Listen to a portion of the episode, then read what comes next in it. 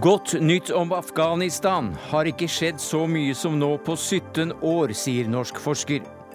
Venstre annonserer omkamp om abortloven, og Frp vil stramme inn på kontantstøtten.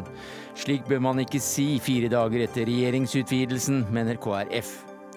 Lagt i bakken, slengt i veggen og hevet på isolat. Tvang blant, blant barnevernsbarn øker, og ny rapport roper varsko. Regjeringen reduserer antall offentlig ansatte, men øker bruken av konsulenter. Det er ikke å avbyråkratisere staten, sier Senterpartiets Lundteigen.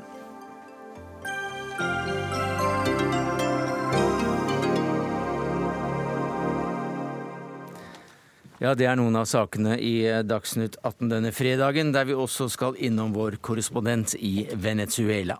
Men vi starter med at Venstre og Frp i dag er ute og markerer noen hjertesaker på tvers av regjeringsplattformen. Fire dager etter at regjeringen ble utvidet med KrF, sa Venstrets partileder Trine Skei Grande, som også er regjeringens likestillingsminister, at sitat, innstramminga som ligger i forslaget til abortlov ser Venstre på som en pause i to og et halvt år, og at avgjørelsen er overlatt til nemndene kun for denne perioden. Samtidig kom Frp med et utspill som vil begrense kontantstøtten. Og um, Hans Fredrik Grøvan, du er stortingsrepresentant og parlamentarisk nestleder i KrF. Hva synes du om slike utspill fire dager etter at dere kom med i regjering? Jeg er for det første veldig glad for de gjennomslagene vi har fått på ja. begge de sakene her. Og så? Og så syns jeg jo eh, det er litt rart at en skal stille spørsmål ved noen av disse sakene som eh, har vært viktige for oss eh, så kort tid etter at plattformen nå ble vedtatt. Hvorfor er det rart? Jo, eh, fordi at det handler litt om folks oppfatning av kan vi ha tillit, kan vi stole på plattformen? Eh, kan vi oppleve at dette er et felles eh, prosjekt? Som eh, disse fire partiene har gått sammen om. Eh, nå må hvert parti få lov til å utvikle sine program fram mot valget i 2021. Men nå er det viktig at vi understreker den enigheten vi har. Vi har gitt kompromisser, vi har gått sammen for å finne gode løsninger.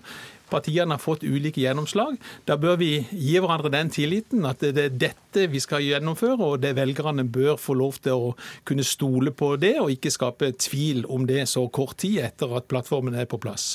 Eh, hva kan det gjøre med stemningen i, i brakka, hvis vi kan kalle det regjeringskontoret og vandrehallen? Jeg tror ikke at disse to utspillene her vil bidra og bety så veldig mye, men, men jeg tror det er viktig at vi framover nå har fokus på det vi er enige om, og ikke det vi er uenige om. Grunde K. Almeland, du er stortingsrepresentant for Venstre. Hva sier du til det at eh, det kan eh, ødelegge tilliten til hele prosjektet? Nei, For Venstre er det ganske klart at den regjeringsplattformen vi er blitt enige om, er den som ligger fast, og den vi styrer på. Ja, Det skulle bare mangle, ja, men eh, det kommer også da fram fra KrF her at det kan, det kan si noe om tilliten og gjøre noe med tilliten til prosjektet. Men nå svarte jo Trine direkte på et spørsmål som kom fra NRK. Og når man inngår en avtale, så kommer man fram til kompromisser. Og så er det ikke akkurat sånn at vi endrer partienes politikk selv om man har inngått en avtale. Og jeg synes jo ikke det er så rart at vi sier at inngåtte avtaler ikke gjør at vi glemmer vår primærpolitikk. Fire dager etter regjeringsdannelsen. Ja, at eh, Noe annet enn å svare ærlig på et spørsmål om hva som er partiets primærstandpunkt, synes jeg blir uærlig. Folk er ikke dumme. Folk skjønner hva som kommer fra, fra hvem, hvem som uh, har hatt hvilket standpunkt. Og det er jo ikke akkurat sånn at jeg forlanger at nå plutselig KrF skal snakke veldig varmt for en rusreform reform, som alle vet at det er Venstre sitt gjennomslag i den regjeringsplattformen. Og at vi i 2021 eh, ikke kan heller forvente at KrF kommer til å gå til valg på den samme rusreformen som, som Venstre har kjempet gjennom. Altså, Jeg anerkjenner absolutt hvert enkelt partis mulighet og evne og, og lyst og vilje til å utvikle sine programmer. Eh, det som er viktig for oss å understreke, det er hva vi er enige om. Og når vi er en helt fersk regjering, et ferskt samarbeid, så tror jeg det er viktig at vi trygger de standpunktene som ligger i den, og skaper nødvendig tillit ut blant velgerne. Og Så får valgkampen komme i 2021, og så får Venstre utvikle sin politikk. Eh, det har vi full respekt for. Men nå er det disse to og et halvt årene vi bør ha fokus på. Eh, dette er et bredt samarbeid. Det skal holde i disse to og et halvt årene, og da trenger vi å ha skapt tillit til hverandre. Og tillit eh, fra velgerne til de, det politiske programmet som nå ligger fast. Mener du at Venstre har eh, bygget tillit i dag? eh, Jeg syns at det var litt unødvendig å komme med det utspillet akkurat nå. Er det, er, det, så sterkt du kan gå? Litt unødvendig? Ja, jeg syns det var unødvendig. Jeg skal okay. ikke sette meg på min høye hest. Da, da stryker vi litt. Men, ja. dette, men dette, var jo et, et, konkret svar på et spørsmål som kom. Men det er jo ikke akkurat som om likestillingsministeren har gått ut med et selvstendig utspill. Dette var et konkret svar på et spørsmål som kom, og jeg tror man bør ha en sånn kultur at man kan være ærlig på partienes primærstandpunkter, selv om vi selv, selvsagt skal styre på den plattformen vi er enige om. Jon, jeg, vi, vi, må nesten, få, nei, vi må nesten ja. få inn andremann her, tredjemann for Jon Engen eh, Helgheim, stortingsrepresentant og innvandringspolitisk talsmann for Frp. Du har kommet med et utspill om en annen viktig sak for KrF, nemlig kontantstøtten. Folk må ha jobbet hvis de skal kunne motta kontantstøtte, eh, mener du. Og sier eh, det slik det er utformet i dag, er kontantstøtten med på å holde innvandrerkvinner utenfor arbeidslivet. Hvorfor kommer du med dette akkurat eh, samme uka som regjeringen er dannet? Jo, det er fordi at vi har årsmøte i nye Viken Frp i morgen. Og da er det blitt sendt inn rundt 40 resolusjonsforslag, noe som er helt vanlig. Og ett av de forslagene er fra Drammen Frp, hvor jeg er leder og det går på at vi må gjøre noen endringer i kontantstøtten for å få den til å overleve, rett og slett. Eh, og at det kommer tilfeldigvis samme uka som regjeringsplattformen har blitt landet, har ingen verdens ting å si. Det tror jeg ikke folk bryr seg noe om i det hele tatt. Jeg tror alle har forståelse for at vi, selv om vi er fire partier som har gått i samme regjering, så har vi ikke blitt samme parti. Og selvfølgelig må vi få lov til å ha en prosess med å utvikle vår egen politikk i alle partiene, og det håper jeg KrF kommer til å gjøre også. Jeg håper det kommer nye forslag fra KrF gjennom hele denne perioden. Det skal de få lov til.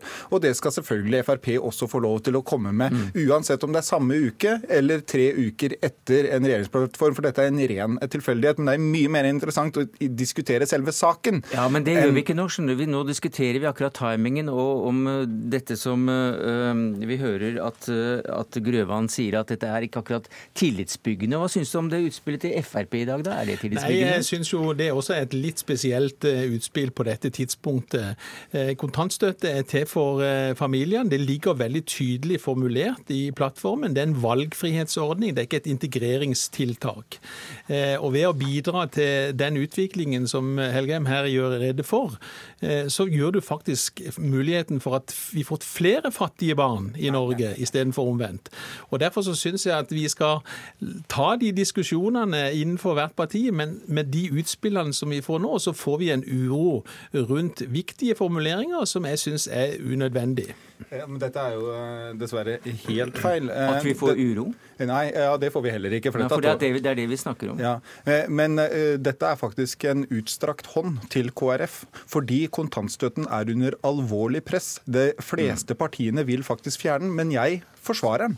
Jeg ønsker at kontantstøtten skal overleve, men det er bare et spørsmål om tid før han forsvinner, fordi den er under så mye press, og fordi den er integreringshemmende. Og Derfor ønsker vi å gjøre noen endringer, sånn at vi fortsatt kan ha kontantstøtten. Sånn at kontantstøtten ikke blir den første ordninga mm. som forsvinner pga. innvandring. Så Ingvild dette bør jo KrF uh, Ingvild Kjerkol, jeg må nesten avbryte deg, for vi må ha inn uh, helsepolitisk talsperson for Arbeiderpartiet her, Ingvild Kjerkol.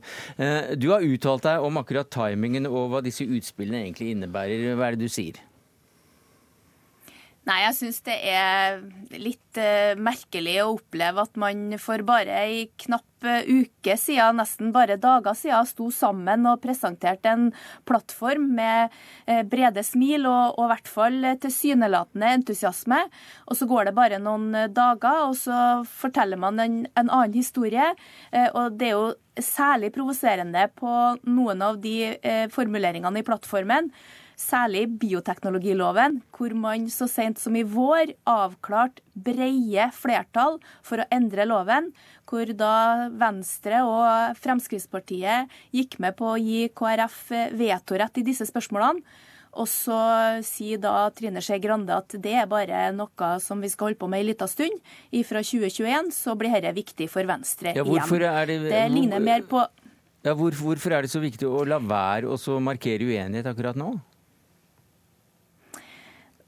Det var jo ikke, Disse spørsmålene var ikke viktige nok for Trine Skei Grande for to uker siden på Granavolden. Eh, hvorfor skal vi tro at de er viktige nok i 2021? Det er alle muligheter men, til å sikre her, de lovendringene som det er bredt flertall for i Stortinget allerede nå. Ja, sånn at det her ligner mer på en iscenesettelse av det her ligner mer på en iscenesettelse av egen politikk enn en reell mm. kamp for egen politikk. Men de breie enhetene, eh, de aller bredeste enhetene mm. er det vi faktisk også enige om at vi skal få gjennom. Bl.a. når det kommer til eh, eh, hvordan man teller forsøk med assistert befruktning og flere andre punkter som man kan se ganske tydelig i plattformen. Og så mener jeg jo at Det er jo litt spesielt å stille spørsmål til Venstre sitt engasjement her, for det er helt tydelig. Men så har vi møtt på samme veggen som også Arbeiderpartiet gjorde når de satt i regjering med Senterpartiet. Der måtte bioteknologispørsmål også vike for Senterpartiet sine primærstandpunkter. Eh, foruten et par endringer på prøverørsbehandling, på samme måte som vi også nå har fått gjennom eh, noen av de endringene som det er brei flertall for i Stortinget. Men jeg kan jo si det sånn, da, at jeg tar det som et kompliment fra Arbeiderpartiet at de har større forventninger til hva Venstre skal få til i en regjeringsforhandling, enn hva mm. de klarer å få til selv. Det der er en feil fremstilling av historia. Fordi at når Arbeiderpartiet satt i regjering, så var det ikke et bredt flertall på Stortinget for disse endringene i bioteknologiloven. Det var ikke bredt flertall for å tillate eggdonasjon. Det var ikke bredt flertall for å tillate assistert befruktning til enslige. Det var ikke eh, bredt flertall for flere andre endringer, som det nå er bredt flertall for. Nei, men vi, vi, vi, må nesten la den Unnskyld meg, men vi må det, nesten la den ligge. For nå snakker vi om prosessen akkurat fram til dagens uttalelser. Og det er eh, interessant å, å, lese hva du har eh, skrevet eller sagt i dag, Ingvild Kjerkol. Også om synet da på parlamentarikere og, og spillet rundt det. Hva er det du sier? Nei, jeg syns det er litt flaut å være politiker når du hører eh, Trine Skei Grande omtale eh, endringer i abortloven som en pause. Det vil jo være et lovarbeid som settes i gang. Det er det jeg oppfatter at KrF eh, sier at de har fått gjennomslag for. Og hvis det er sånn at man skal drive på att og fram, så tror jeg rett og slett at eh, folk der ute, kvinner som blir direkte berørt av det her, mister trua på demokratiet og trua på mm. politikken. Grøvan, at Venstre kjemper for sin politikk, det er helt eh, legitimt. Grevan, eh, når du uttaler deg på den måten som du gjør om dette, her, har du noe tidspunkt for når det skal være lov å komme med, eh, med standpunkter som, som, bygger opp under eh, partienes mulighet for å vinne neste valg? Nå er vi snart i gang med programarbeid framfor valget i stortingsvalget i 2021. Da syns jeg det er helt naturlig at både i KrF og Venstre og Frp og Høyre at det blir gjort politikkutvikling som kan komme fram med nye standpunkter. Det skulle bare mangle. Men nå er vi tross alt i den første uka etter plattformen ble vedtatt. To uker, tre uker kan de komme da? Da? Hvis det er en del av et programarbeid, så må de selvfølgelig gjøre det. Men nå må vi bygge tillit til hverandre. Vi må bygge tillit mellom velgerne og plattformen. Dette er en politikk som skal gjennomføres. Og nå hører jeg både Venstre og Frp bekrefter at det skal de gjøre. Men da syns jeg også de bør tenke litt igjennom når og på hvilken måte disse utspillene kommer, som rokker litt ved tilliten til den plattformen og formuleringene som ligger der. Ja, men dette her er en rar ting å diskutere diskutere, for jeg har ganske grundig redegjort for at eh, vi har et årsmøte, og dette er helt vanlig. Det ville kommet uansett. Forslaget har ligget skrevet klart lenge. Det er en tilfeldighet at Viken Frp har historiens første årsmøte eh, denne helgen, og at NRK ønsket å skrive om et av forslagene som ligger på bordet, det er helt naturlig. Det er sånn politikken fungerer. Men da syns jeg heller KrF skulle tatt imot med åpne armer en håndstrekning for ja. å hjelpe kontantstøtten å overleve, siden den er under så mye press som den er. For kontantstøtten er bra for den som bruker den riktig, men den er dessverre eh, negativ for integreringen. Mm. og Da må vi justere litt grann på den, og, så kan vi fikse det, det problemet. Det poenget har du også og... klart å få fram ganske godt, eh, men eh, det er ikke akkurat det poenget som vi var ute etter at du skulle si i dag. Det er være... interessant å diskutere Absolutt, men da kommer du tilbake til Dagsnytt 18, så tar vi den runden. Men foreløpig takk til deg, Jon Engen Helgheim, Grunde Almeland og Hans Fredrik Grøvan. Og på Tyholt har vi sittende Ingvild Kjerkol. Vi skal få inn et par politiske kommentatorer for å høre om det er så eh, hinsides um, all fornuft å, sette søkelyset på timingen for slike soloutspill. Åshild Mathisen, kommentator i Morgenbladet, tidligere sjefredaktør i avisa Vårt Land. Forstår du at Grøvan og KrF reagerer på disse utspillene? Ja, altså særlig eh, utspillet til Grande fordi at nå er det et voldsomt uh, trøkk mot uh, regjeringa, som nå skulle hatt litt mer uh, liksom fynd og klem. Det er nye statsråder på Slottsplassen. Uh, og så er det veldig mye negativt, og særlig mot KrF. Og Grande sine uttalelser kan oppleves som at man ikke står skulder ved skulder akkurat når det koker som verst. Og Det handler jo om at regjeringa også, for øvrig, ikke bare KrF, men regjeringa syns det er ubehagelig å få et sånt stempel som illiberal, og da eh, løper de litt vekk eh, fra KrF som trenger den støtten. Og særlig i en sak som på en måte har vært det som skulle være den blanke seieren til KrF, men som ikke eh, ble det, og som heller ikke er en så stor vinnersak i blant kristne og KrFs velgere som det virker som de har trodd. Eh, Magnus Sakvam, politisk kommentator i eh, NRK. Eh, du har tidligere sagt at det er vanskelig å finne den store begeistringen for dette regjeringsprosjektet innad i regjeringspartiene. Viser slike utspill akkurat det? Ja, vil jeg, jeg, vil si at som dere er litt inne på, så er tror jeg årsaken til at Trine Skei Grande eh, som likestillingsminister markerer så tydelig at hun er uenig i, de, i den delen av, av, plattformen som handler om abort og bioteknologi, er fordi eh, det etterlatte inntrykket av denne regjeringen i, i den første fasen nettopp er denne voldsomme kritikken av eh, det man kan kalle likestilling, eh, kvinnefiendtlig kritikk, eller kritikk for å være kvinnefiendtlig fra, fra opposisjonen. Fordi, Bl.a. fordi man ikke har noe annen stor felles visjon, så er det liksom veldig eh, lett å la det bli det som er liksom det store kjennetegnet ved denne regjeringen. Og det er veldig ubehagelig for partiet Venstre og for Trine Skei Grande som likestillingsminister, som må gå i 8. mars-tog osv. Så videre, sånn. sånn at det er klart at på den måten kan man forstå det veldig godt politisk, men som dere har vært inne på, så er det noen få dager etter at plattformen eh, ble vedtatt. Og eh, det å kalle det en pause gir jo et inntrykk av at dette det står det jo ikke noe om i, i, i, plattformen. Det er mange andre ting i den som skal vare lenger. Så, så jeg føler at det, det var eh, Timingen for det var, var uheldig. Ja, og så, eh, tror man eh, altså, ja, Kristenfolket er jo blitt mye mer liberal og synes Man kan tenke at KrF eh, trenger fiender, og at det, det må jo være bra for det partiet å få bråk og motstand på kjernesaken. men også de sakene er det på en måte endring i også i kristenfolket, i holdninger. Og tenke tilbake på den gangen Valje Svarstad Haugland fornya KrF, så var faktisk det å Hun leverte radikale likestillingsforslag som statsråd, og det var viktig for partiet partiet. Og nå har man sagt det fra seg og får andre statsråder som syns det er ubehagelig. Men så må jeg også si at KrF må forberede seg på at det blir mer av dette. Fordi denne regjeringa har jo gjort det til en kunst å bare stå i uenigheter og bare på en måte eh, la, la, det sprike. Fordi at eh, det er polarisert, og det at Erna tross alt klarer å holde regjeringa samla, er jo liksom en bragd når man ser på Europa ellers.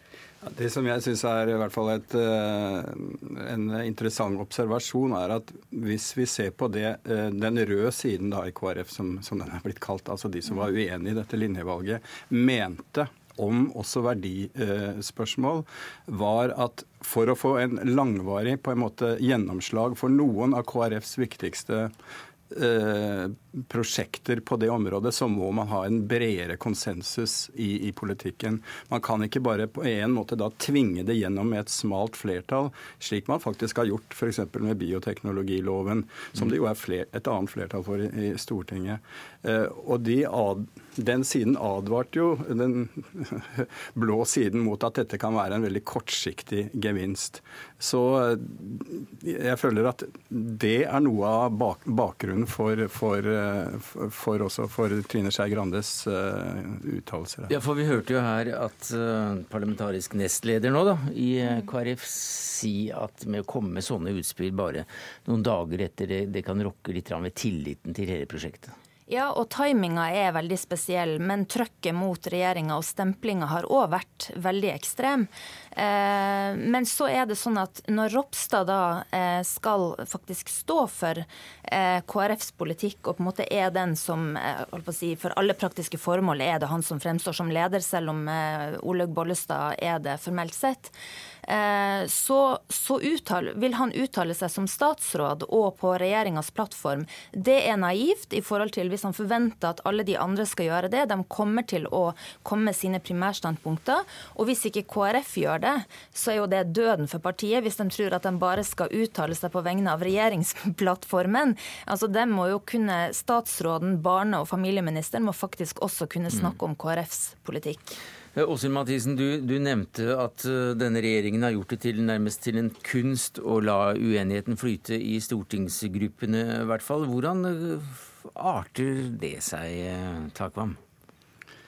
Nei, altså det, det, som jeg er spent på, er jo hvor stor skal vi si, frihetsgrad disse fire regjeringspartiene får i Stortinget. Virker som det er ganske stor uh, Ja, Så langt virker det sånn. Og nå mener jeg det, det Helgheim var inne på her om kontantstøtten er i en annen kategori. Det var et forspill til, til et årsmøte som, som der, der, partiet har jo Frp har jo ikke det standpunktet han står for engang. Mm. sånn at det er en sak for seg. Men eh, jeg tror man kommer til å eh, måtte tenke seg om en gang til hvis man mener at alle partiene eh, på de viktigste sakene sine skal kunne på en måte fritt eh, markere sin primærpolitikk. Ja, For nå virker det slik? Ja, altså det, det, er i hvert fall en åpning for det. Og det er også en forståelse mellom disse partiene at man skal uh, kunne gjøre det, for ikke å gå i, i den fella som man definerte den rød-grønne regjeringen for, nemlig å, å, å passivisere altså stortingspartiene helt. Men det er klart, jo, jo, flere partier det er, og jo mer uenige det er, hvor mange viktige konfliktlinjer som går mellom dem, jo, jo vanskeligere blir det selvfølgelig. Hva, hva sier det om Erna Solbergs ledestil? Nei, altså eh, Hun er jo Norges svar på altså, Hun er en Theresa May som bare på en måte står i det og, og liksom sier sånn Jeg syns ikke det var en heldig uttalelse. Altså, det, måte, hvor impregnert, hvor mye teflon kan man ha? Det blir jo interessant å, å, se, da. Men det er liksom ikke sånn lenger at sånn som SV eh, demonstrerte på utenfor Stortinget, så var det liksom krise. Nå bare tåler man mer. Eh, og det tror jeg også er litt eh, Det er ikke bare i Norge, men, men internasjonalt òg. Takk skal du ha, Åshild Mathisen, kommentator i Morgenbladet, og til Magnus Takvam, politisk kommentator i NRK.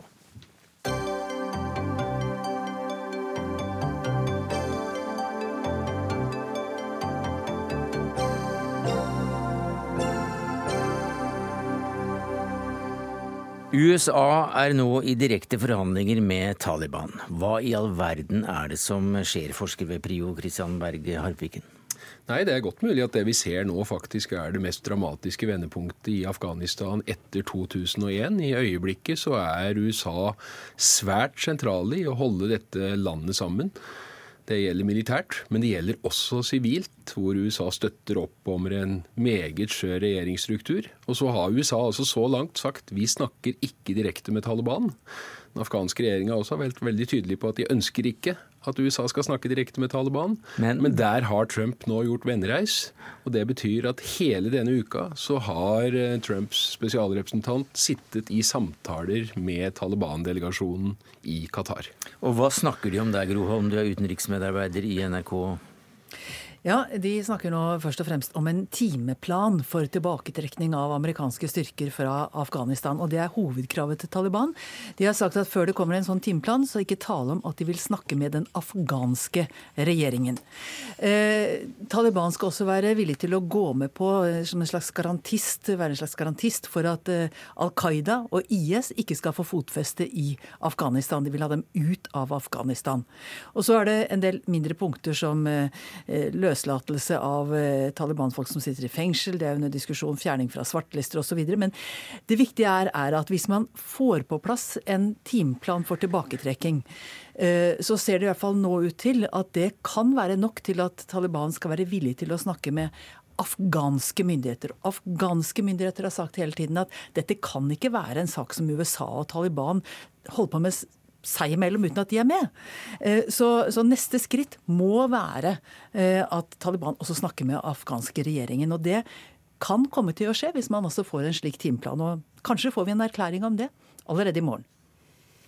Ja, det blir eh, en spennende dag i morgen. For det er signalisert nå fra Doha at det skal komme en felles erklæring fra USA og Talibans side. og Samtidig så har vi altså sett at den afghanske regjeringssjefen Ashraf Ghani og hans såkalte eh, statsminister eh, Abdullah Abdullah har brukt uka i Davos, der særlig presidenten har vært meget kritisk til det hastverket som USA nå viser. Og det som skjer her, er jo selvfølgelig at uh, det er den uh, amerikanske valgkalenderen som, som setter dagsorden. Mm. Donald Trump ønsker seg ut av disse krigene før han går inn i neste valgkamp.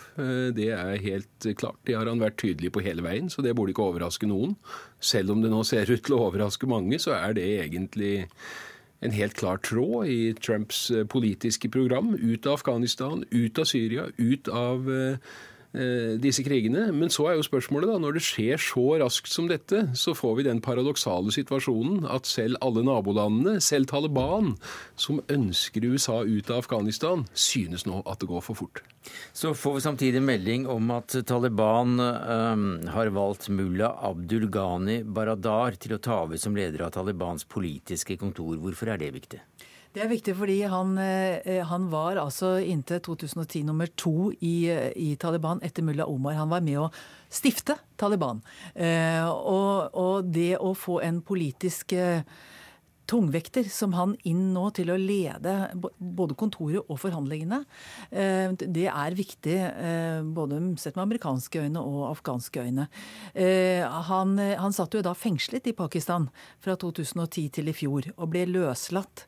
Angivelig amerikansk, etter amerikansk press, fordi de har ønsket seg nettopp en, en slik tyngre skikkelse som motpart i forhandlingene når det begynner å bli alvor, som det altså kan bli nå.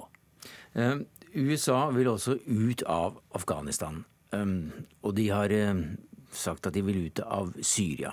Eh, men for den ministeren som, som gikk pga. det vi trodde var pga. Syria-spørsmålet i USA, så er det muligens at det var Afghanistan som gjaldt. Ja, forsvarsminister general Mattis, som da skrev et meget velformulert oppsigelsesbrev til sin president Donald Trump før jul, Eh, han har jo vært kritisk til begge deler. og De fleste kommentatorer la hovedvekten på Syria når han leverte sitt brev, men det er ganske tydelig at han var minst like opptatt av situasjonen i Afghanistan og uttrekningen i Afghanistan. Og Mattis har jo selvfølgelig selv, som de fleste Eh, amerikanske militære ledere vært eh, tungt engasjert i denne krigen fra 2001 og, og fram til i dag, og mener, som eh, mange av representantene for nabolandene og assosielle representanter for Taliban, at nå går det altfor fort.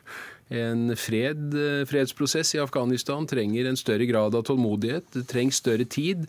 Man må både ha en modningsprosess internt i landet, og man må ha en sikring av at dette forankres hos nabolandene på en måte som gjør at de heller ikke bidrar til å underminere en eventuell fredsavtale. Ja, Det viktigste nabolandet her det er vel i første omgang Pakistan. og Hvordan ser Pakistan på dette spørsmålet nå?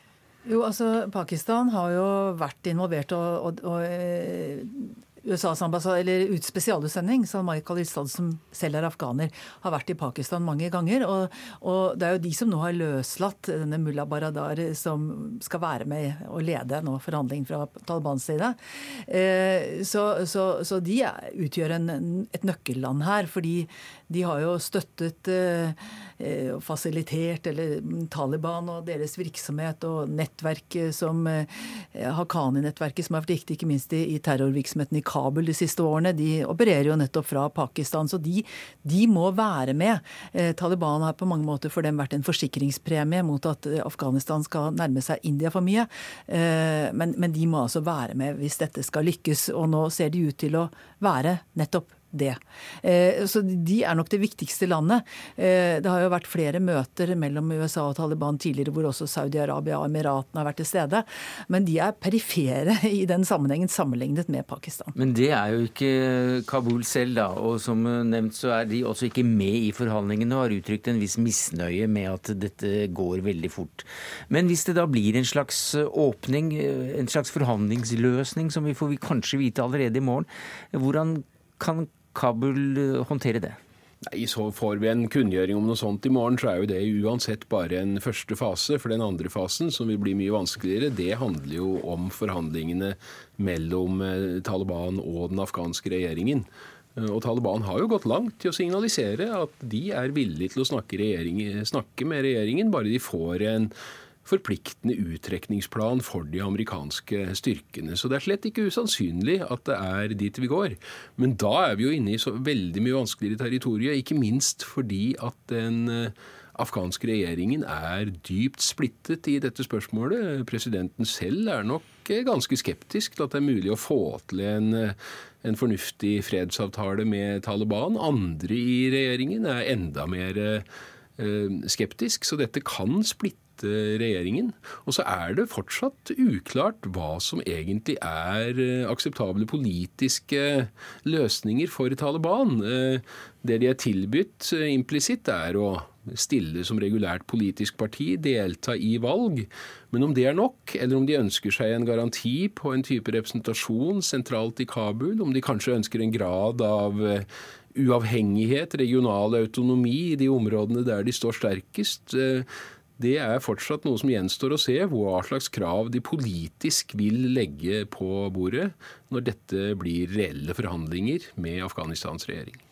Og så har du det rent sikkerhetsmessige. Eh, fordi eh, altså Nå har jo da statsministeren Abdullah Abdullah gått ut og sagt det at eh, USA har lovet dem at de skal ikke trekke seg ut raskere enn at det ikke skader kampevnen til de afghanske styrkene. Mm -hmm. Ja, ja vel. Hva, hva er det? det? Ja, Hva betyr det? Betyr det at USAs eh, fly f.eks. også skal trekkes ut, som er veldig viktig i den fasen de er inne i nå, hvor Taliban jo opererer i, eh, ifølge BBC, over ca. 70% av landet, så, så, opererer de og er, er skikkelig til stede. Eh, så, så, og da risikerer man å komme i en situasjon hvor du har en politisk avtale som undergraves på slagmarken, altså hvor ingen tør å oppgi de posisjonene de har, verken Taliban eller regjeringen. Gro Holm, du er på vei til Afghanistan for NRK. Hva er situasjonen der nå? Eh, ja, det er jo eh, det er jo kamper hver eneste dag. Altså, det var jo forrige uke så ble jo da, eh, ifølge eh, Reuters, 126 soldater og politifolk drept i et Taliban-angrep. Myndighetene opererer med et langt lavere tall, 45. Det drepes hver eneste dag soldater og politi, ifølge president Ghani. 28 eh, mennesker hver eneste dag fra politiet og Hæren eh, fra, fra, september 2014 til i dag. 45 000 mennesker. Det er situasjonen. Og sivile rekordmange drept i fjor. Men det kan altså bli bedre ganske snart? Det får vi håpe. Det er mange skjær i sjøen her, men det er også håp. For nå endres eh, dynamikken. Nå er det én ting Afghanistan trenger, så er det en fredsavtaler som inkluderer alle deler av befolkningen, og som støttes opp av nabolandene. Inshallah. Takk skal du ha, Christian Berg Harpviken, forsker ved Institutt for fredsforskning ved PRIO, og Gro Holm, utenriksmedarbeider i NRK.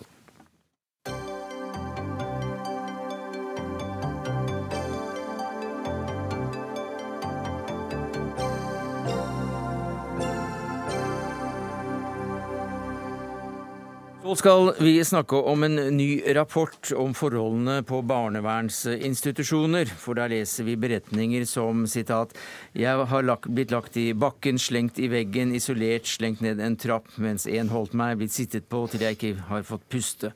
Rapporten eh, som heter 'Hvis jeg var ditt barn', baserer seg på erfaringer til 55 barn som i dag bor på barnevernsinstitusjoner. Gloria, du har tidligere bodd på en slik institusjon, og du er tilknyttet eh, stiftelsen Forandringsfabrikken, som står bak denne rapporten. Hvordan opplevde du tvangen som ble brukt mot deg? Eh, jeg er bare en av eh, mange hundre, så jeg tenkte at jeg ville lese en liten tekst som ble skrevet av eh, mange av ungdommene i undersøkelsen. Tenk om jeg var ditt barn. Ditt tantebarn, onkelbarn eller barnebarn. Kanskje har vi opplevd mer vondt enn barna deres.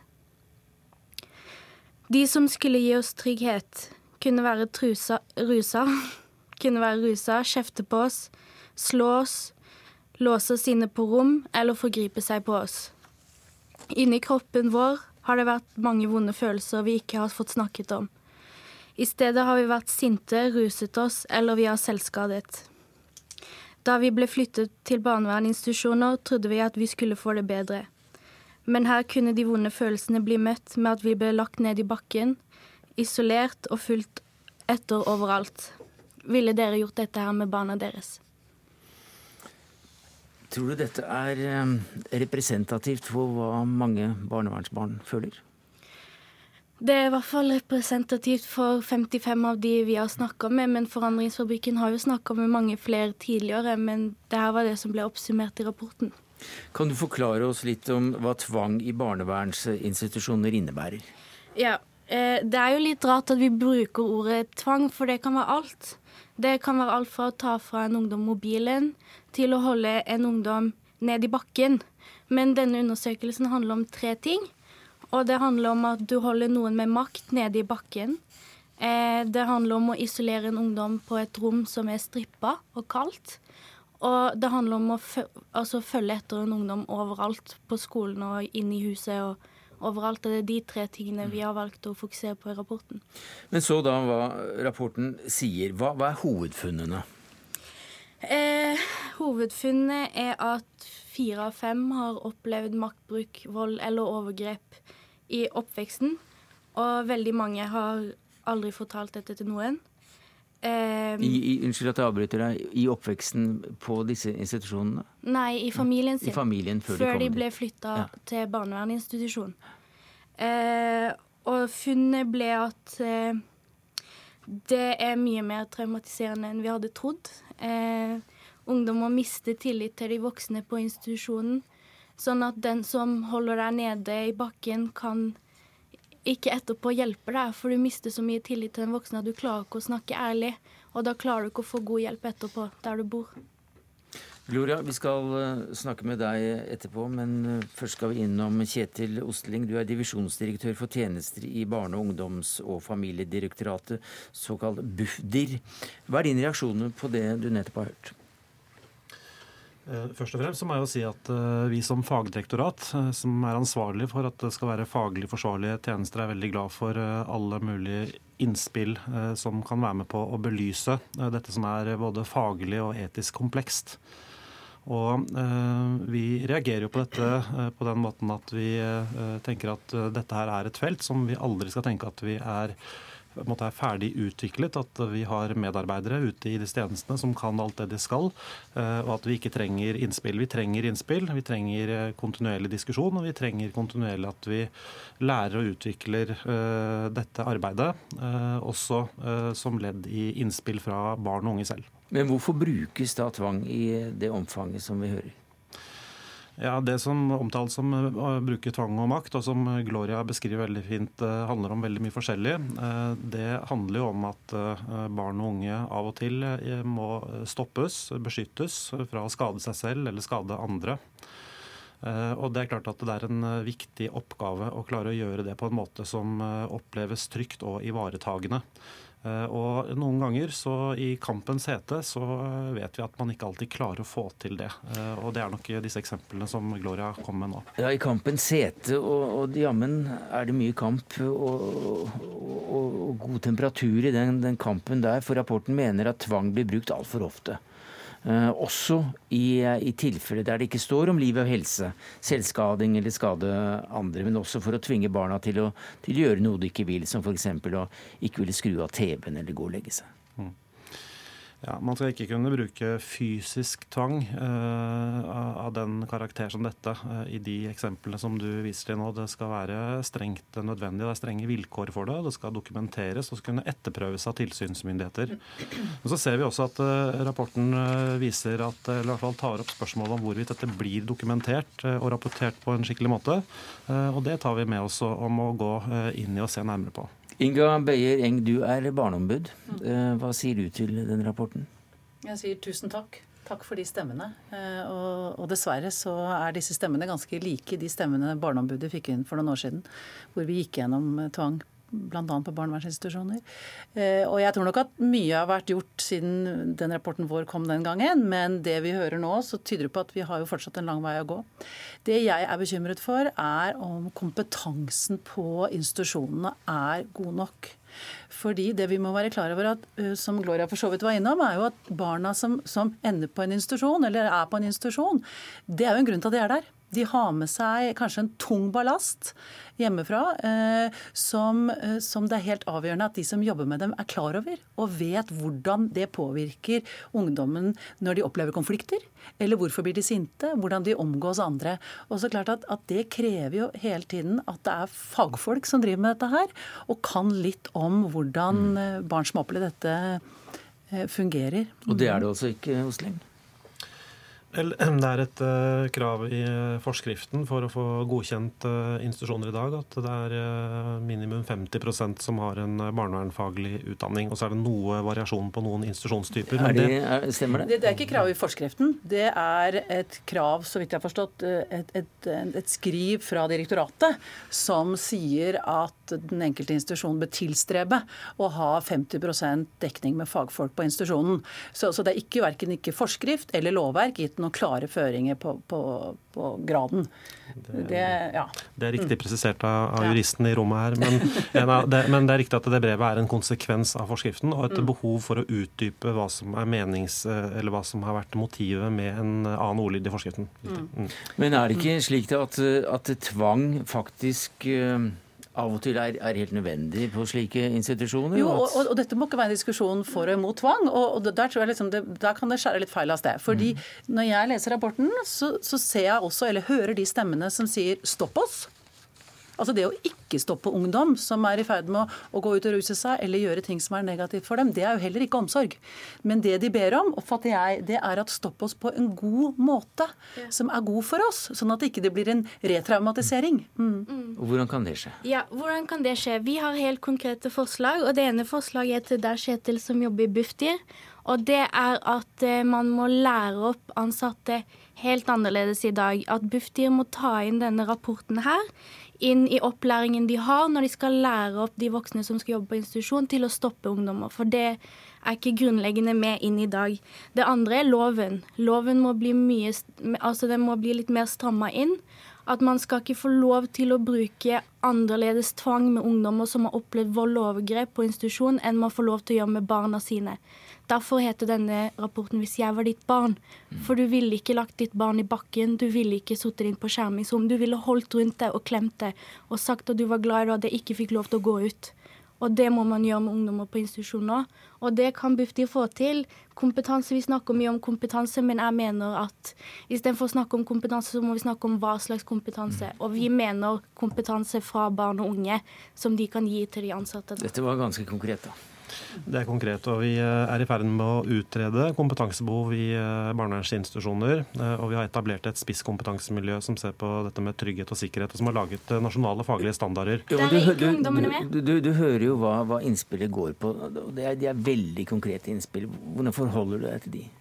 Jeg tenker at det, det er uh, faglige, praktiske dilemmaer i dette. På den ene siden så må man eh, beskytte barn og unge fra å skade seg selv. Og på den andre siden så må man gjøre det på en måte som eh, bidrar til at man ikke får den type erfaringer og opplevelser som Gloria beskriver. Og det er, det er ingen lette svar på dette. Mer omsorg, mindre tvang? Ja, vi, vi, ser at vi får til å gi mye god omsorg. Åtte av ti eh, i barnevernsinstitusjoner oppgir i Nasjonal brukerundersøkelse for en år tilbake at eh, de er trygge i institusjonene. Så vi får til mye. Vi har også gjort en svær institusjonsgjennomgang nå. Sett på 85 eh, institusjoner. Gått inn i, måte, bak dørene og inn og sett på hva som skjer der inne. Og ser at det gis mye god omsorg, men at vi fortsatt har en oppgave å gjøre i forhold til å sikre god behandling, blant annet. Så vi tenker hele tiden utvikling på dette området viktig å presisere at den gjennomgangen mellom, gjennom alle de institusjonene, så ble det ikke snakka med ungdommene på institusjonene. Det ble snakka med de ansatte. Der mener vi at kunnskapen til barn må mye tidligere inn hvis vi skal forbedre barnevernsarbeidere. Jeg er helt enig i at når man får alle perspektivene, så gir det et enda bedre bilde. Men den undersøkelsen var lagt opp sånn, det er riktig. Men hva, hva da er, års, hva er årsakene? Én ting er kompetanse, men, men er, det, er, det, penger her? Altså det, er, det er billigere ja. å bruke tvang enn å, å gi omsorg, kanskje? Nei, men Det er jo litt tilbake til hvordan er det vi finner de institusjonene som ungdommen plasseres på. Altså, I hvert fall enkelte steder i Norge så brutalt sagt så er det ungdom på anbud. Og da vil jeg jo tro at eh, det er jo ikke bare faglig kvalitet, men det er også pris. Og, og da tenker jeg at de institusjonene som kanskje har høyest andel eh, ansatte med faglig bakgrunn, de vil nødvendigvis være dyrere enn de som ligger lavere. Eh, så det er noe med systemet her som jeg tenker også det er greit å se litt på. Er, vi skal ikke ha bestemor på anbud, men i Norge så har vi altså ungdom, de mest sårbare ungdommene på anbud enkelte steder. Og, det, og det, om det er et system som gjør at vi får den beste behandlingen for ungdom som strever med livene sine, det er jeg nok litt usikker på. Takk skal du ha, Inga Beyer Eng, barneombud. Takk til deg, Gloria, barneverns eh, såkalt proff ved Forandringsfabrikken. Til Kjetil Osling, divisjonsdirektør for tjenester i Barne-, ungdoms- og familiedirektoratet.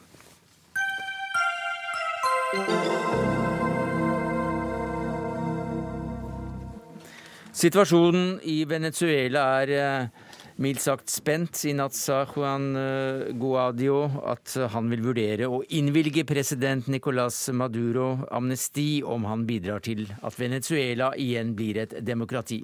Korrespondent eh, Anders Magnus, du har nettopp ankommet til Caracas. Hva er ditt inntrykk så langt?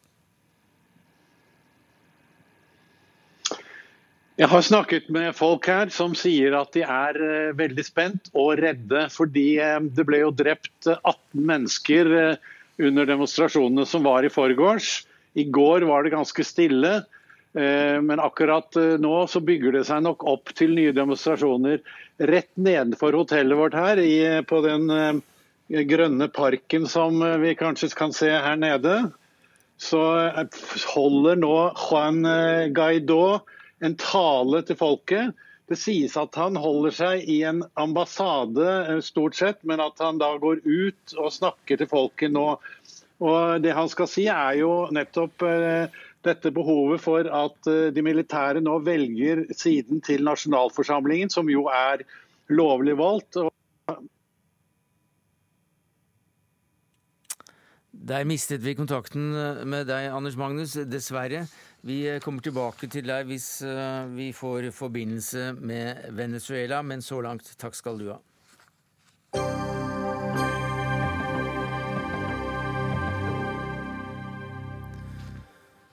Større effektivitet, mindre byråkrati, mer eh, fornuftig bruk av offentlige midler. Solberg-regjeringen lovet å slanke regjeringsapparatet og avbyråkratisere byråkratiet. 5400 eh, færre statlig ansatte bare på ett år, ifølge staten selv. Og allikevel er ikke Senterpartiet fornøyd. Eh, per Olav Lundteigen, hvorfor ikke? Nei, Det er jo bare juksing med tall. For at uh, en har jo omorganisert sånn at de har gått vekk fra statistikken. Og det er uh, 900 flere. Sånn at netto sett så har du økt antallet statlige ansatte med 889, hvis en bruker Difis egen rapport. Ja, Hvordan eh, kan du bruke den rapporten der som et motargument mot at staten faktisk mener at de har gått ned en, eh, en massevis, av, massevis av ansatte? Nei, men Det er jo tydelig at statsråd eh, har jo ikke lest rapporten. Det står jo i rapporten. Jeg bare tar tallene direkte ut derifra. Og det er jo litt skremmende at ikke statens egen leder da leser sin egen rapport. Det er altså omorganisert 6366 stillinger som er tatt vekk ifra den definisjonen som Difi bruker. Og så er tallet da som står tilbake, det er 5477 lavere. Og det betyr at det har blitt 889 flere. Så det er sannheten. Det er 889 flere, ikke 500, 5477 færre, sånn som det står i rapporten. Så en må lese leksa si når en uttaler seg. Mari Holm Lønseth, har du ikke lest leksa di som stortingsrepresentant for Høyre? Jo, absolutt. Og den viser jo at man for første gang også har en reduksjon i antall ansatte i både departement og direktorat. Men så har Lundteigen rett i én ting, og det er at i de ytre etatene så er det en liten økning, også hvis man korrigerer for omorganisering, på omtrent en halv prosent. Eh, men det er jo et resultat av villa politikk også. I de ytre etatene så finner man politiet, det er dem som øker mest. Man finner ansatte i Bufdir, det er dem som skal ta vare på barna våre. Og det er også en økning i antall ansatte i Nav, som også skal sørge for at folk kommer seg ut i jobb. Det er rett og slett ganske hult eh, å høre på, på Lundteigen når man ser at man for første gang har da også denne eh, reduksjonen i, i antall ansatte i departement og direktorat. Det skulle jeg tro at var noe Lundteigen også kunne være veldig tilfreds med, men det viser at kritikken går på autopilot. Og fremfor å ta tak i det som virkelig er utfordringa, så velger man heller å kritisere mm. regjeringa når den politikken som har vært, har fungert. Jeg har jo ikke sagt mer hittil enn det som står i rapporten, og bare sagt at det som statsråden Mæland gjør, er å jukse med tall. Jeg kan utdype det ytterligere. Altså, de prester som var statsansatte i Den norske kirke, eh, dem er ikke det lenger. for Den norske Eh, kirke det er en egen menighet, så det inngår ikke i staten. og Det var 1681 eh, personer. Så har vi da en rekke personer tidligere som var ansatt i Jernbaneverket. Og som nå er ansatt da i Bane Nor statsforetak, som kommer ut av statistikken. Så har vi Forsvarsbyggs renholdstjeneste, som hadde 100 et hundretalls eh, mennesker som nå er privatisert over i ISS. Så har vi Folkehelseinstituttets rettsmedisinske fag, som er overført til Oslo universitetssykehus. Hvis man også tar tar alle de her omorganiseringene som Lundteigen tar med, så er det også en liten økning. Det er helt riktig, det er en liten økning på omtrent en halv prosent. Det er lavere enn sysselsettingsveksten for øvrig, men det er også fordi at man har valgt å ansette flere folk i politiet, f.eks. Det er en villa politikk på tvers av partigrenser. En av grunnene til at vi har klart å få til det her, er jo fordi at vi har gjennomført en avbyråkratiseringsreform som bare i år kommer til å gjøre at vi har 1,9 milliarder kroner å heller bruke på velferdstjenester som skole og helse, fremfor eh, at det går til papirflyttere i direktoratene. F.eks. så har vi en stor reduksjon i antall ansatte i skatteetaten. Det er jeg glad for. Jeg skulle tro at Senterpartiet også var glad for det. Det er partiet som iallfall eh, angivelig er dem som kjemper, mest, kjemper mye mot eh, byråkratiet. Men når det kommer til stykket, så er man visst mest opptatt av å kritisere, fremfor å se på det som faktisk fungerer, og det som vi også fortsetter med i Granavolden-erklæringa. Det som Senterpartiet er opptatt av, det er jo at eh, de som er ansatt i det offentlige, og som skal yte tjenester til oss, enten det er på Nav-kontoret eller det er i politiet, de eh, kan møte oss der vi er i en situasjon hvor vi trenger hjelp. Det som trengs, det er jo en reform som er knytta til organisasjon, kultur og ledelse, sånn at de som er på Nav-kontoret f.eks., har myndighet og ansvar til å hjelpe folk. Ikke sånn som nå, at det blir stadig færre som kan hjelpe den som trenger hjelp på Nav-kontoret, mens det sitter stadig færre flere, unnskyld, flere lenger bak i spesialavdelinger og fatter de reelle beslutningene. Og I tillegg til det her, programleder, så er det da et faktum at under denne regjeringa så har konsulentbruken i staten økt noe kraftig. Og en må jo se egne ansatte og det en betaler for private konsulenter i sammenheng. Og da viser tallene at i sum så svulmer staten dessverre opp mer enn det som regjeringa har lovt. Ja, men Jeg er glad at du nevnte ordet programleder, for jeg sitter alene her eh, på Marienlyst i Oslo, mens dere to befinner dere i vårt studio på, på Tyholt i eh, Trondheim. Men Mari Holm Lønseth, la oss bare få det helt klart også. Hvis du tar netto Eh, antall personer som det er blitt færre av av statsansatte. Er det da et fiktivt tall, eller er det et, et reelt tall? Eller er det slik Lundteigen sier, at dere har juksa med tall, nemlig dere har skjøvet ut alle, alle kirkeansatte etc., og dermed så blomstrer jo tallet mot de, de som er opptatt av at staten skal ha redusert ansatte? Nei, det er et reelt tall. Eh, og det man har sagt at det er nedgang i, det som også statsråd Mæland har sagt at det er nedgang i, er antall ansatte i departement og direktorat. Det er ikke det Lundteigen snakker om nå. Han snakker om de ytre etatene, og der erkjenner også jeg at det er en liten økning på omtrent en halv prosent, som er lavere enn sysselsettings lønnsstigninga for øvrig. Men det er ganske merkelig å høre på Lundteigen, som også kritiserer for at det angivelig ikke da kommer mer tjenester nært folk. Det er jo nettopp det vi gjør når det blir flere ansatte i politiet, og det er dem som også utgjør store deler av den halve prosenten som er økninga i, i antall statsansatte. Så det er viktig å holde ansatte i departement og direktorat, men også de ytre etatene skilt fra hverandre. For det er de som er de ytre etatene som faktisk jobber med å gi oss mm. bedre tjenester eh, hver eneste dag. Altså Jeg vil jo anbefale folk å lese rapporten sjøl, så kan se hvem som har dekning for, for hvilke tall. Jeg har sagt at eh, statsråd Mæland jukser med tall når hun sier at det har blitt 5477 eh, færre ansatte. Når det når vi tar hensyn til omorganisering, så har det blitt, uh, blitt flere. Men, er, det som er de to store tallene, programleder, når det gjelder eh, det her, sånn, det er Nav og politi ja. og arbeid og sosial uh, Nav. Det har 15 000, 16 000 mennesker, og politiet har 25 000. Og det folk erfarer, det er at politiet kommer lenger vekk fra en. Nav kommer lenger vekk fra en. Nå kan du ikke lenger bare droppe inn på et Nav-kontor. Du må ha time der sånn, og det er jo et resultat at det er færre som betjener de som trenger hjelp, når de er klar til å få hjelp. Det er litt vanskelig å debattere med Lundteigen når det virker som han heller ikke lytter til det har å si. Fordi at jeg sier at det er en liten økning i antall ansatte eh, som jobber med f.eks. politiet, som jobber i Nav. Det er fordi at vi vil at det er flere som skal eh, jobbe i politiet. Vi vil at folk skal ha en tryggere hverdag. Nedgangen er i departementene og direktorat. Senterpartiet har år etter år lova en nedgang i departement og direktorat, men her i dag er man altså mer opptatt av å kritisere for mm. at man får en økning i antall politiansatte enn å ta inn over seg at det har lyktes med avbyråkratiseringsreformen til regjeringa, som gjør at man nå får færre ansatte i departement og men, direktorat. Men blir det mindre byråkratisering hvis man får færre ansatte? Nødvendigvis? Det er mange av dem det er mange av de lederne som også har jobba med å realisere denne avbyråkratiseringsreformen, som mener at det har vært et positivt ytre press for å gjøre nødvendig omorganisering i statlig virksomhet. Du, hvilke tall kan du vise til at det er blitt eh, mindre byråkrati? altså eh, en avbyråkratisering, bortsett fra da at det er noen i de eh, som ikke utgjør ytre etater, som har forsvunnet? Det er jo det at man har færre ansatte i både departement og direktorat. Hvis man ser f.eks. på skatteetaten, så er jo det et godt eksempel på hvordan man har kunnet tatt i bruk ny teknologi. Mm. Vi leverer f.eks. skattemelding fremfor at vi er nødt til å sende inn skjema. Det er færre mennesker som er nødt til å sitte med et eh, skjemavelde og jobbe med det. Det er et godt eksempel på at man faktisk får ned byråkratiet. Lundteigen, er ikke det strålende, da? Et øyeblikk, Lundteigen. Ja, er, det er strålende at en bruker ny teknologi. Det er vi veldig, veldig glad for. Men det som er altså problemet, det er at på tross av det så svulmer eh, statens byråkrati opp. I tillegg så har han altså stadig økende bruk av, av konsulenter. Og det byråkratiet det sitter lenger og lenger vekk fra folk.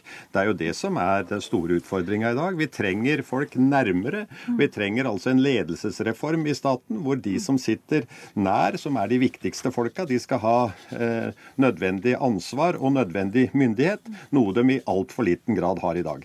Altså Nærpolitireformen er jo et uttrykk som denne regjeringa gjentar og gjentar. men men det som folk erfarer, er jo det stikk motsatte. Og jeg vil anbefale regjeringa å være ærlig og si det som det er. Da kan vi få en mer real diskusjon. Nå øker vi jo også pengene til politiet, sånn at vi får enda flere folk i enda flere politibetjenter rundt omkring i landet. Det har vi gjort over over flere år. Så er det viktig å understreke også noe som jeg skulle også tro at Lundteigen var glad for. Det er nettopp det at sju av ti statsansatte jobber utafor Oslo. De aller fleste sitter altså ikke i Oslo, de sitter ut rundt der folk bor og jobber for å gi oss gode tjenester. Men igjen så virker det som at man heller velger å kritisere på autopilot fremfor å ta inn over seg de utfordringene som offentlig sektor faktisk har, og det man faktisk må gjøre for å omstille offentlig sektor. Det var vel ikke slik, det var vel, Lundteigen, jeg må nesten avbryte deg der, men det var ikke slik at eh, under de rød-grønne så, så forsvant en mengde offentlig ansatte? Nei, det skal være sikkert og visst. Det blei ganske mange flere. Men vi gikk heller ikke til på valg, til at, eh, valg på at en skulle redusere offentlig ansatte. Sånn at eh, vi, eh, vi lovte ingenting. Høyreregjeringa de lover, men følger ikke det da opp i henhold til sine lovnader. Og når det gjelder da de offentlig ansatte innenfor Nav f.eks., så skjer en kraftig sentralisering av det til større byer og, og tettsteder. Og avstanden mellom altså de som da trenger bistand, og der hvor du kan få bistand, blir større. Og dette er et problem som jeg kjenner på hele tida som medlem av arbeids- og mm. sosialkomiteen i Stortinget. Der må vi sette en strek for det som skjedde på Tyholt eh, mellom eh, dere to. Takk skal du ha, Mari Holm Lønseth og Per Olav Lundteigen. Det var det vi rakk eh, denne uka, takket være Jaran Ree Mikkelsen, Finn Lie, jeg heter Sverre Tom Rade. Vi høres igjen på mandag.